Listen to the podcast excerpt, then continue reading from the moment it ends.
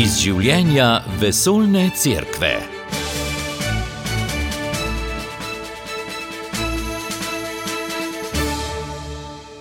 Lepo pozdravljeni v tokratni oddaji, v kateri bomo pogledali že malce naprej v dogodek, ki bo potekal pred oktobrsko škofovsko sinodo v Rimu, priprave zanj pa seveda potekajo že zdaj. 30. septembra bo namreč na trgu svetega Petra v Rimu ekumensko molitveno srečanje mladih, ki bodo molili za uspeh škofovske sinode. Ta bo potem na temo sinodalnosti potekala od 4. do 29. oktobra. V studiu pozdravljam Tilna Čebulja in sestro Andrejo Perc iz Katoliške mladine, ki sta se sredi marca udeležila priprav na to molitveno srečanje mladih. Dobr dan. Dobr dan. Pozdravljeni. Torej, 30. septembra molitveno srečanje z naslovom Together, srečanje božjega ljudstva. Kako je nastala ta pobuda in komu vse je dogodek namenjen? Ja, ta pobuda je pravzaprav se nekako rodila um, na povabilo oziroma pobudo tezejske skupnosti. Oni so želeli pri sinodi se aktivneje vključiti, oziroma je bilo tudi povabilo, ki je prišlo z generalnega tajništva in so potem kar nekaj časa razmišljali, tuhtali, kaj je zdaj njihovo mesto, um, in potem ugotovili, da pač lahko dajo ta svoj pečat, da povabijo različne cerkve, um, krščanske veroizpovedi, da pravzaprav se skupaj zberejo in molijo. Um, in to je bila tista osnovna ideja, potem se je pa stvar seveda širila. In rasla in rasla s številom organizacij, ki so jih povabili. Tako da je pravzaprav že sama priprava dogodka, vsaj po mojem, no, tudi eno tako mini-sinodalno um, doživetje, izkušnja, um, pravzaprav poudarja to, da je pomembno, da ne zgolj, da potekajo ti teološki pogovori um, o nekakšni um, spravi med crkvami, ampak da je pomembno, da crkve tudi po eni strani delajo skupaj, še pomembneje pa skoraj, da pridejo skupaj in tudi molijo. Kako bo sam dogodek 30. septembra potekal? Dogodek bo za mlade, se bo začel eh, nekako tako dve, za dve skupini, vidimo, um, se pripravlja ta dogodek. Mladi so povabljeni, da že 29. Um, pridejo v Rim, kjer bodo nastanjeni po družinah, po župnijah. Različne cerkve bodo sprejele mlade iz vse Evrope in vsega sveta, seveda povabljeni, ampak glede na stroške, razdalje in tako bo, bomo videli, kakšna bo možnost za, za udeležbo teh mladih iz sveta. Torej, mladi pridejo 29. Eh, septembra v, že v Rim, potem pa 30. do povdne bodo dela usmiljenja različ, na različnih področjih, eh, delo z, z ubogimi, obrobnimi, eh, tako da bodo mladi služili tem ljudem in s pomočjo teh organizacij, ki že sicer um, služijo na teh področjih. Potem bo pa kosilo, po kosilu bo pri Lateranu predvidoma um, koncert, slavilni koncert, um, ki je tudi ena od stičnih točk različnih crkva, kjer lahko skupaj slavimo Boga. In potem bo ta mladi bodo romali peš do Vatikana. V Vatikanu, kjer bo pa večerna vigilija, tezejska molitev, se pa pridružijo in pa povabljeni, so pa povabljeni vsi odrasli, ki bi želeli se pridružiti tej molitvi. Morda tisti, ki so sodelovali na lokalni ravni, na sinodalnem procesu, da pridejo v Rim in skupaj molimo, da se skupaj združimo v tem, um, tem večeru za molitve, potem pa se mladi vrnejo nazaj na župnije, ki jih gostijo, v nedeljo so še udeležijo pri sveti Maši in se potem vrnejo domov. Rekli ste, da bo to srečanje mladih z vsega sveta, pa vendar bodo verjetno bolj iz Evrope. Koliko mladih pravzaprav pričakujete? Zdaj, to je vprašanje, ki je vedno eno najbolj težavnih za odgovoriti. Zdaj, cel svet je pravzaprav res željen, da bi bil vsaj predstavljen. Ne? Uh, tle moramo vseeno pomisliti tudi na vse mlade, ki pridejo recimo v Rim študirati ali pa nasplošno v Evropo. In je tukaj le možno, da se pravzaprav res vsaj nekako predstavi uh, cel svet. O konkretnih številkah pa zaenkrat sanjamo in sanjamo, ampak um, se prijave pravzaprav tudi niso odprle, tako da je prekmalo, da bi ocenili. Kako pa se bodo mladi slovenci lahko prijavili in dokdaj?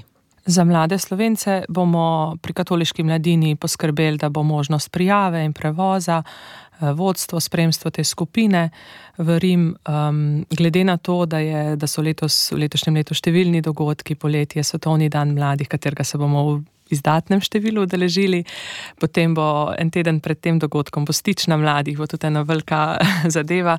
Tako um, in na koncu leta, seveda, Evropsko srečanje mladih v Ljubljani. Um, težko ocenimo zdaj, ali bo to en avtobus, ali bo treba več, ali bo manj, ali bo samo ena delegacija mladih. Želja je, da zastopamo za vse, vsekakor uh, naš narod tam na tem srečanju. Povabili bomo tudi um, uh, mlade iz drugih crkva, um, tako da bi se skupaj, ne da bi spoznali to bogatstvo tradicije. Prej ste omenili, da bo kar številčna udeležba na Svetovnem dnevu mladih, o kolikšnem številu govorimo trenutno? Trenutno je več kot 400 mladih slovencev že registriranih da gre na Svetovni dan mladih. Če se vrnemo k našemu pogovoru, že sama beseda sinodalnost je nekako težka, mnogi pojma nimajo, kaj naj si pod to besedo predstavljajo. Koliko se o tem sploh govori med mladimi na mladinskih skupinah ali drugih srečanjih? No, zdaj za me je bila tudi to zelo ena težavna beseda um, za razložiti, za razumeti, dokler je sam pravzaprav nisem doživel. Potem pa, ko doživiš to delovanje svetega duha po, po celotnem telesu cerkve, um, je to ena milostna izkušnja. In se mi zdi, da je pravzaprav to tudi eden od tistih motivov za, za to sinodo, ki jo sedaj uh, nekako uh, hodimo skupaj. Um, kar pomeni, da pravzaprav gre za to, da sveti duh deluje po celotni cerkvi, v vseh udih. In pravzaprav vsakemu posamezniku kaže tisto osebno pot, pa tudi tisto, kar jo potem naj bi kot družba, kot skupnost, kot občestvo cerkve um, hodili. Zdaj, res je, da je bil mogoče, kar tudi izraža recimo kontinentalno poročilo, glas mladih slabo zastopan. Um, tako pri nas v Sloveniji, kot celotno v Evropi, kot tudi širše po svetu. A tudi, kar sem se jaz pogovarjal s prijatelji iz Tunisa, so rekli, da so bili mladi mogoče ena od tistih skupin, ki jo je bilo težje nagovoriti, da bi pravzaprav pri tem sodelovali, delno zaradi tega, kot ste že omenili, ker je že sama beseda tako abstraktna, da si težko predstavljamo. Um, mladi imamo pa zelo konkretne stvari, ki jih doživljamo, konkretne um, situacije, ki želimo, da bi. Cerko nekako jih nagovorila, in mogoče ta sinodalnost ni ena od tistih naših prioritet. Zdaj, kar je pa tukaj tudi pomembno, mogoče izpostaviti, je pa to, da recimo v Afriki so bili pa mladi še vseeno precej bolj aktivni, ampak to predvsem zaradi tega, ker je že starostni, stara, starostna struktura na kontinentu drugačna. Ne? Ogromno mladih, um, ki pravzaprav že tudi v vodstvenih vlogah nastopajo. Um, tako da je to ena taka stvar, no, ki jo je težko enoznačno odgovoriti. Kar se mi pa zdi no, pomembno, je pa to, da mladim crkva ni sama po sebi mogoče toliko avtoriteta, si mora to avtoriteto zaslužiti s konkretnimi dejanji, s konkretnimi pobudami, s konkretnimi stvarmi. Um, in tudi tukaj le gre potem to, da želi nagovoriti te njihove situacije. Kar pa pomeni, da sinodalnost ni zgolj za enih pogovor o enih idejah, o enih stvarih, ampak praksa, način, kako delamo stvari. Um, pa pač Frančišek tudi v svoji posinodalni spodbudi Kristus živi, ki je nastala po sinodi o mladih pravi, da je mladinska pastorala sinodalna pastorala. Kaj to pomeni? To pomeni, da nimamo vnaprej pripravljenih in zapakiranih odgovorov, ki jih mlademu potem samo damo, ampak pravzaprav, da gremo z njim, da hodimo z njim. Ena prispodoba, na kako konkretno si sinodalnost predstavljati, je podoba Kristusa, ostalega, ki gre z učencema v Imaus. Tam jih posluša, pa potem spregovori. In na koncu, ko se srečata z njim, jo to srečanje tako zaznamuje, da ne morata obstati na miru na kraju, kjer sta, ampak gresta naprej. Nekaj ste zdaj že povedali, ampak morda še malce bolj poglobljeno, kakšna pričakovanja mladi gojijo do prenove v cerkvi. Ste v Sloveniji delali tudi že kakšno raziskavo na to temo, kakšna so pričakovanja mladih?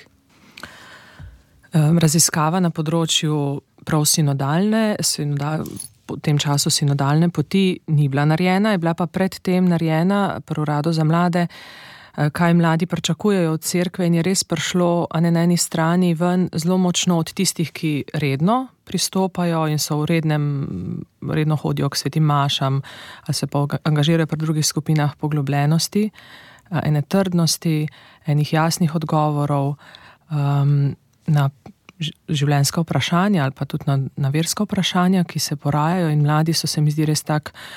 Ne, oni, oni niso hitro zadovoljni, je treba poglobiti stvari, je treba um, z različnih zornih kotov pogledati.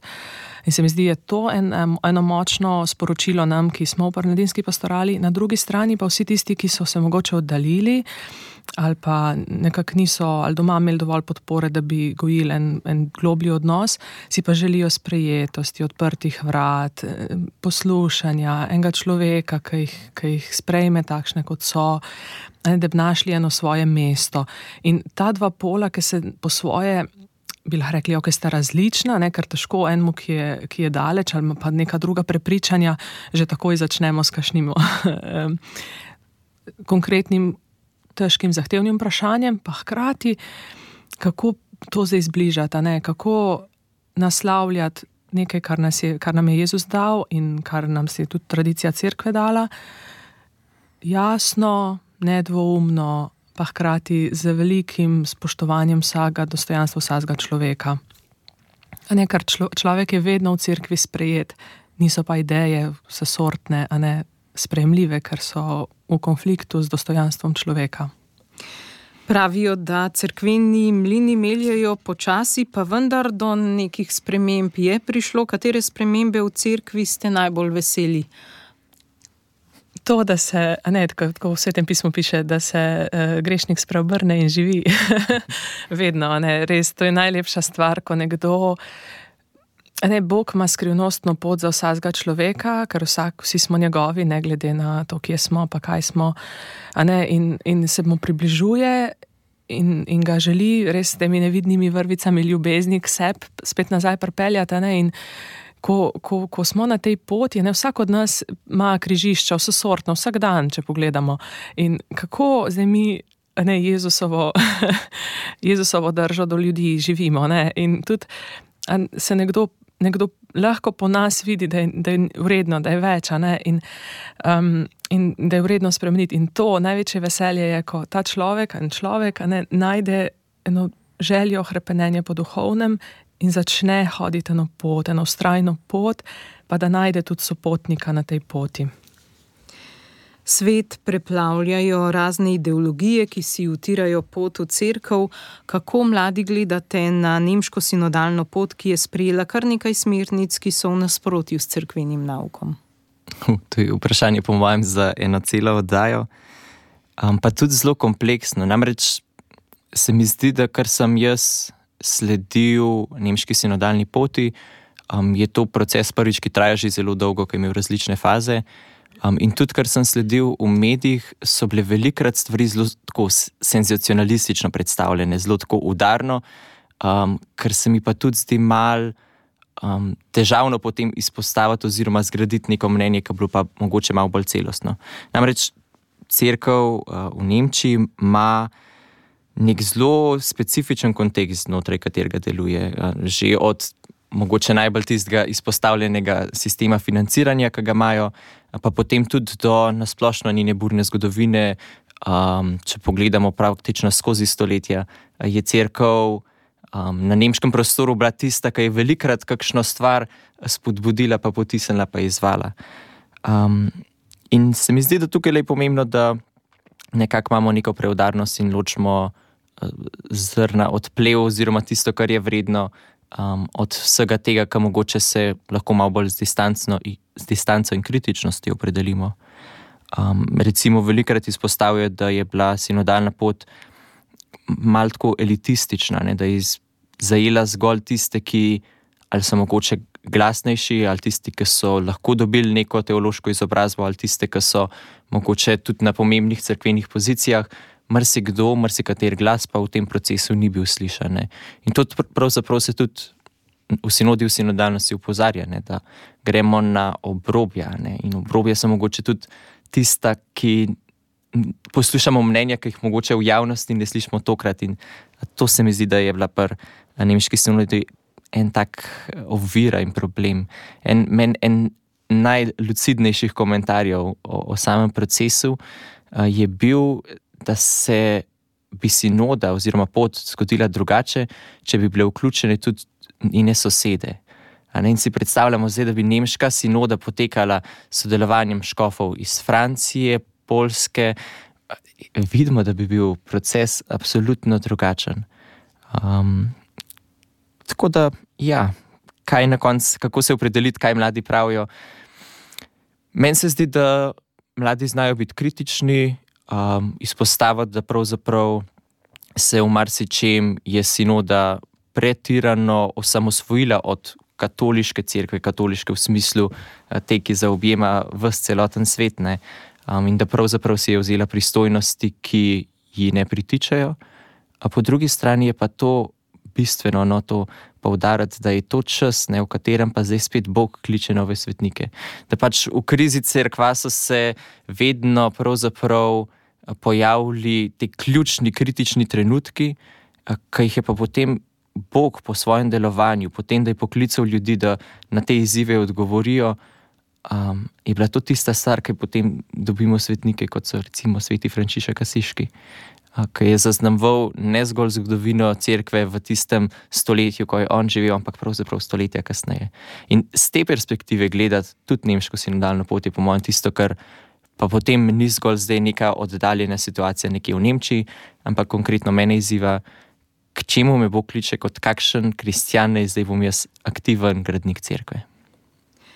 Morda pred glasbenim premorom še vprašanje, kaj so najpogostejši vzroki, da mladi po Birmi ne vstopijo več v crkvo ali nasploh, da se oddaljijo od vere. Kaj manjka, da bi jih obdržali oziroma privabili nazaj? Ja, to je pa kar tako vprašanje za vsakega od nas, a ne vernega, kako živimo, da mladina ne, eh, se ne uname ob nas. Ne, oziroma, ko bi videla, ker mlad človek, če se spomnimo ne, v šoli, ne, nagovoril nas je tisti učitelj, ki nas je pretegnil in tudi tukaj a, a nas odrasle vernike, a smo mi kavni v tem pomenu, da bi mlad rekel, o, nekaj je, nekaj je, nekaj mora biti v tem, ne, je na eni strani. Na drugi strani pa gotovo družina je tista temeljna, ne, če je mlad sam um, in hodi pot verske vzgoje osnovno, skozi osnovno šolo, samo zato, ker je to želela stara mama ali pa ga starši ne podpirajo pri tem skupaj, da bi skupaj um, duhovno se poglabljali in rastli in hodili k sveti maši. Je pa zelo, zelo zahtevno, da mlad človek ostane po Birmi. In tukaj Meni se zdi, za nas, za crkvo, je velika priložnost, da bi našli, ne da bi se tudi za občestva zavedla, da mladina je in da mladina odhaja in kaj lahko kot občestvo naredimo. A nam je mar za vse te mlade, ki so ne vem, nedeljo še pri Birmi, naslednjo nedeljo pa mogoče dva prideta, ne od ne vem, 48. A ne da bi nam, pa ne zaradi tega, da bi obsojali, kašni so, pa kaj, pa kaj.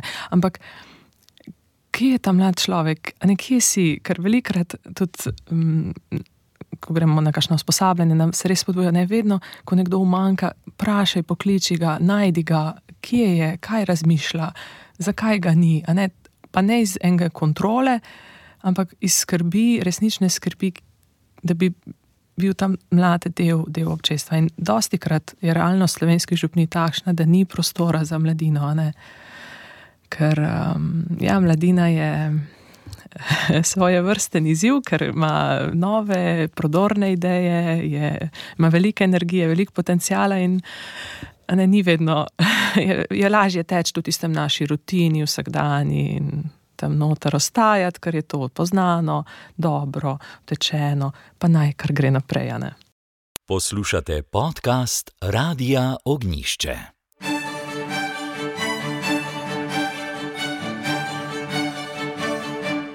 V tokratni oddaji sta naša gosta Tilan Čebul in sestra Andreja Perci iz katoliške mladine, ki sta se sredi marca udeležila priprav na ekumensko molitveno srečanje mladih, eh, ki bo na trgu svetega Petra 30. septembra in bo nekakšen uvod v sinodo o sinodalnosti, ki bo potem oktobra.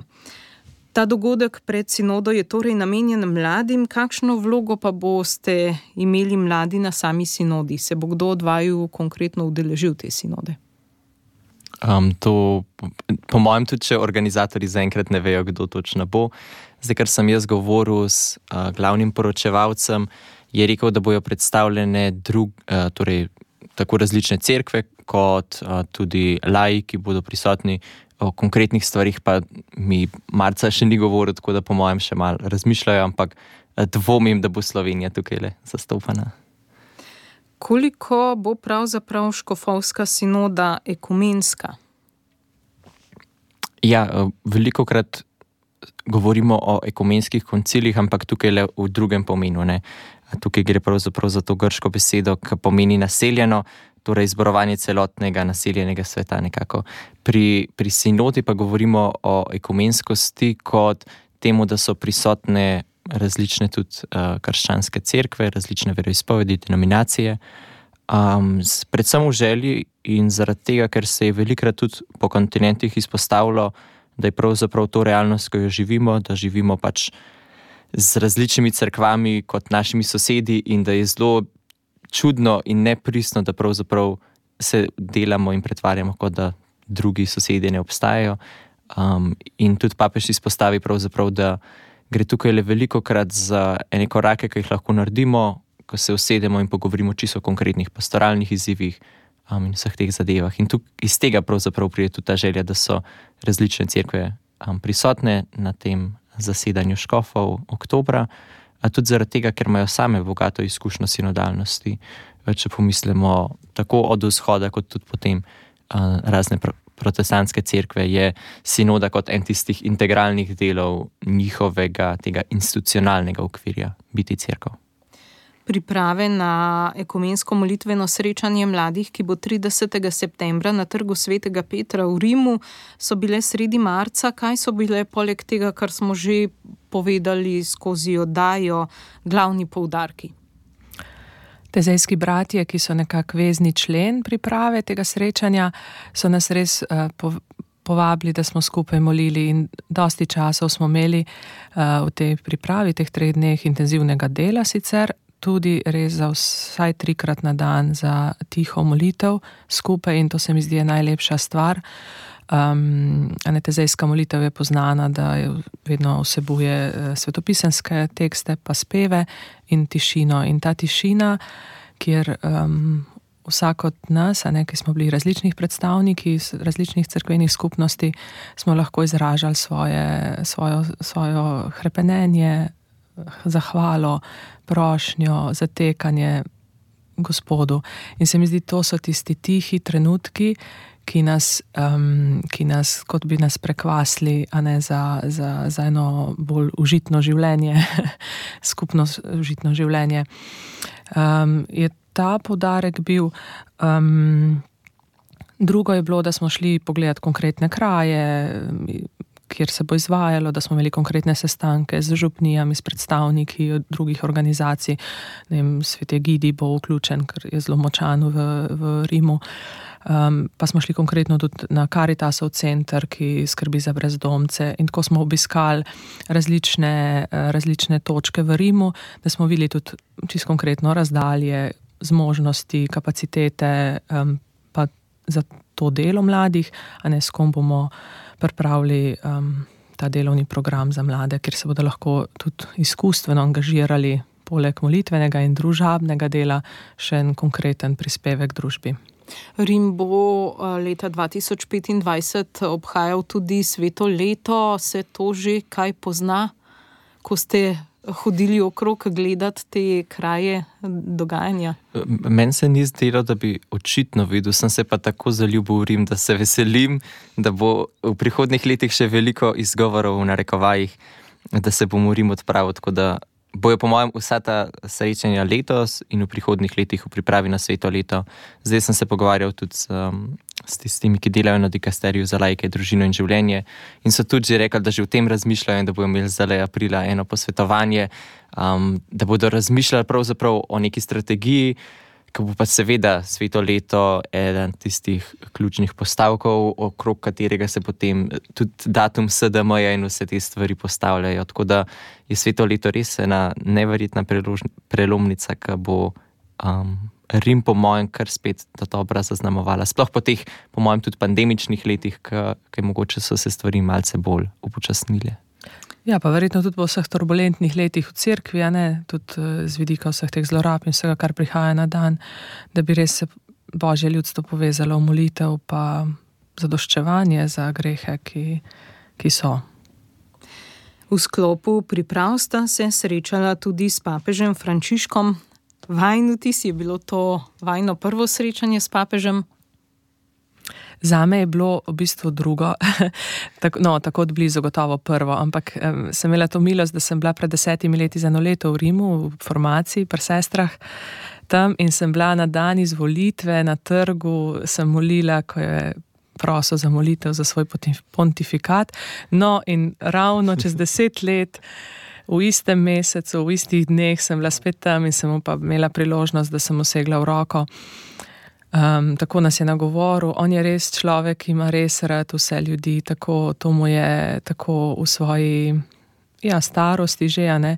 ampak tako z eno tako ljubeznijo do slehernega bitja, govori, si vzame čas, tako z eno pozornostjo. Ki jih mogoče kdaj pri kakšnem crkvenem dostojanstveniku jaz ne doživim, pri njemu sem pa res tako, tako veliko sprejetost eh, doživela. Hkrati pa, a ne po drugi strani, pa res uh, sem m, tudi začutila eno veliko željo ali pa eno tako notranji vzgib, da k molitvi, pa k, um, tudi k postu, konkretnemu za prihodnost crkve, ne, ker um, se mi zdi, da je tako, ne da ga um, opravljam, ampak tako težko je biti odločen v tako težkih časih. In to sem pa začutila, da ne, kot ne da mu je ogen vzelo, ampak vse to trpljenje in vse to, kar nosi, res, res ni lahko. No. No, pa spregovorila sta pa tudi o potici. Ja, jaz sem rekla v svoji polomljeni italijančini, benvenuti, a Slovenija. In pa je on eh, seveda takoj nazaj, da ve za bled in da ima rad potico, tako da ve za Slovenijo. No, tako mi je bilo v srcu, ki, je, ne, ki se je vzel, pa nas je bilo ja. veliko. Pa. To je točen ta ne, detajl, kako v res enih teh kratkih trenutkih, ki ga pozdraviš, govoriš, ki gre pravzaprav pač obštev par sekund, ampak v teh sekundah se res počutiš, da si samo ti pred njim, mislim, da ti res umpozornost, da ti um, to svojo naklonjenost, da ti to, da pač ti želi prisluhniti. Veliko ljudi pride tja z željo po, po molitvi, ne, da bi molil. Ena moja prijateljica ima zelo ljubovno mamo in ko je šla do papeža zdaj, je rekla: Joj, da je te moliti tudi za mojo mamo. Pa je takoj vprašal ne po imenu in so to eni ti mehki detajli, nekaj pa povsem spremenijo neko to izkušnjo. Um, in meni pravzaprav je ja, ena najlepših stvari, ki vidiš, tako je bilo meni prisrčno, sedeli smo tam v eni taki sobici, fletni, in potem kar naenkrat se odprejo vrata in s hojico pride papež. In so tako, to, to neke take človeškosti, ne ta, ta ranljivost, ki jo upa pokazati in ki je ne skriva. Mene to tako v, v dno pravzaprav nagovori in pravzaprav ja, ugotoviš, da je to en, en gospod, en dedek, ki ima neizmerno rad vse, kot je že sestra Andreja rekla, ampak res. Um, Ja, no, to, to srečanje te, te pusti. Mislim, to, to je doživetje, ki pravzaprav vidiš. Um, in, in tudi pri meni je bil isti vzgib. Um, Molec za tega človeka, ki pri svojih 86 letih eh, krmari eno, eno zelo vi, eh, različno in, in pestro in dinamično barko po še skoraj dinamičnejših vodah, oceanih, nevihtah, seveda z božjo pomočjo. In, in tlele je, po mojem, res bil to za nas vse, tudi za tiste, ki pravzaprav niso katoličani. So sprva rekli, ko smo šli v papeža, smo vsi sprašvali, kako pa ti do, dojemaš to, kako ti to čutiš. Pa so rekli tako zelo neenadušeno, da se pač niso pričakovali, ne pa tako, da niso imeli tudi želje, ne potem, ampak tako, če si iz neke te firpčnosti, ne kaj, kaj bo zdaj. Pa so bili na koncu oni um, prevzeti le zaradi tega človeškega lika, ki so ga srečali. Je bilo to vaše prvo srečanje z njim? Jaz sem ga drugič tako od blizu srečal. Um, tudi prvič, ko smo bili, je bilo pa zelo lepo, takrat je bilo pa še več, je bila skupina 280 mladih po forumu, ki je potekal po Sinodiju mladih leta 2019. Um, in takrat spet se je vzel čas, vseh 280 se rokoval, pogovarjal, klepetal. Um, in en najlepših detajlov je bilo, jaz sem sedel tam čisto v zadnji vrsti in vsi, ki so hodili memne v Vatikanu, to, kljub temu, da papež zelo ni za protokol, so pa vsi ostali ne ti povejo, kako pristopaš, pa kaj vse, pa kako pa uno tretje. No in so vsi za, potem hodili mimo nas ne? in potem smo mi, ki smo bili v zadnji vrsti, vse sprašvali, ne kaj, kako. In ena najlepših podrobnosti meni takrat je bila to, da je prišla ena mlada Grkinja in rekla, joj, ima take modrosilkaste oči. In je to spet en ta detajl, ne spet sta se srečali, njune oči in vemo, kako pogled veliko krat spregovori.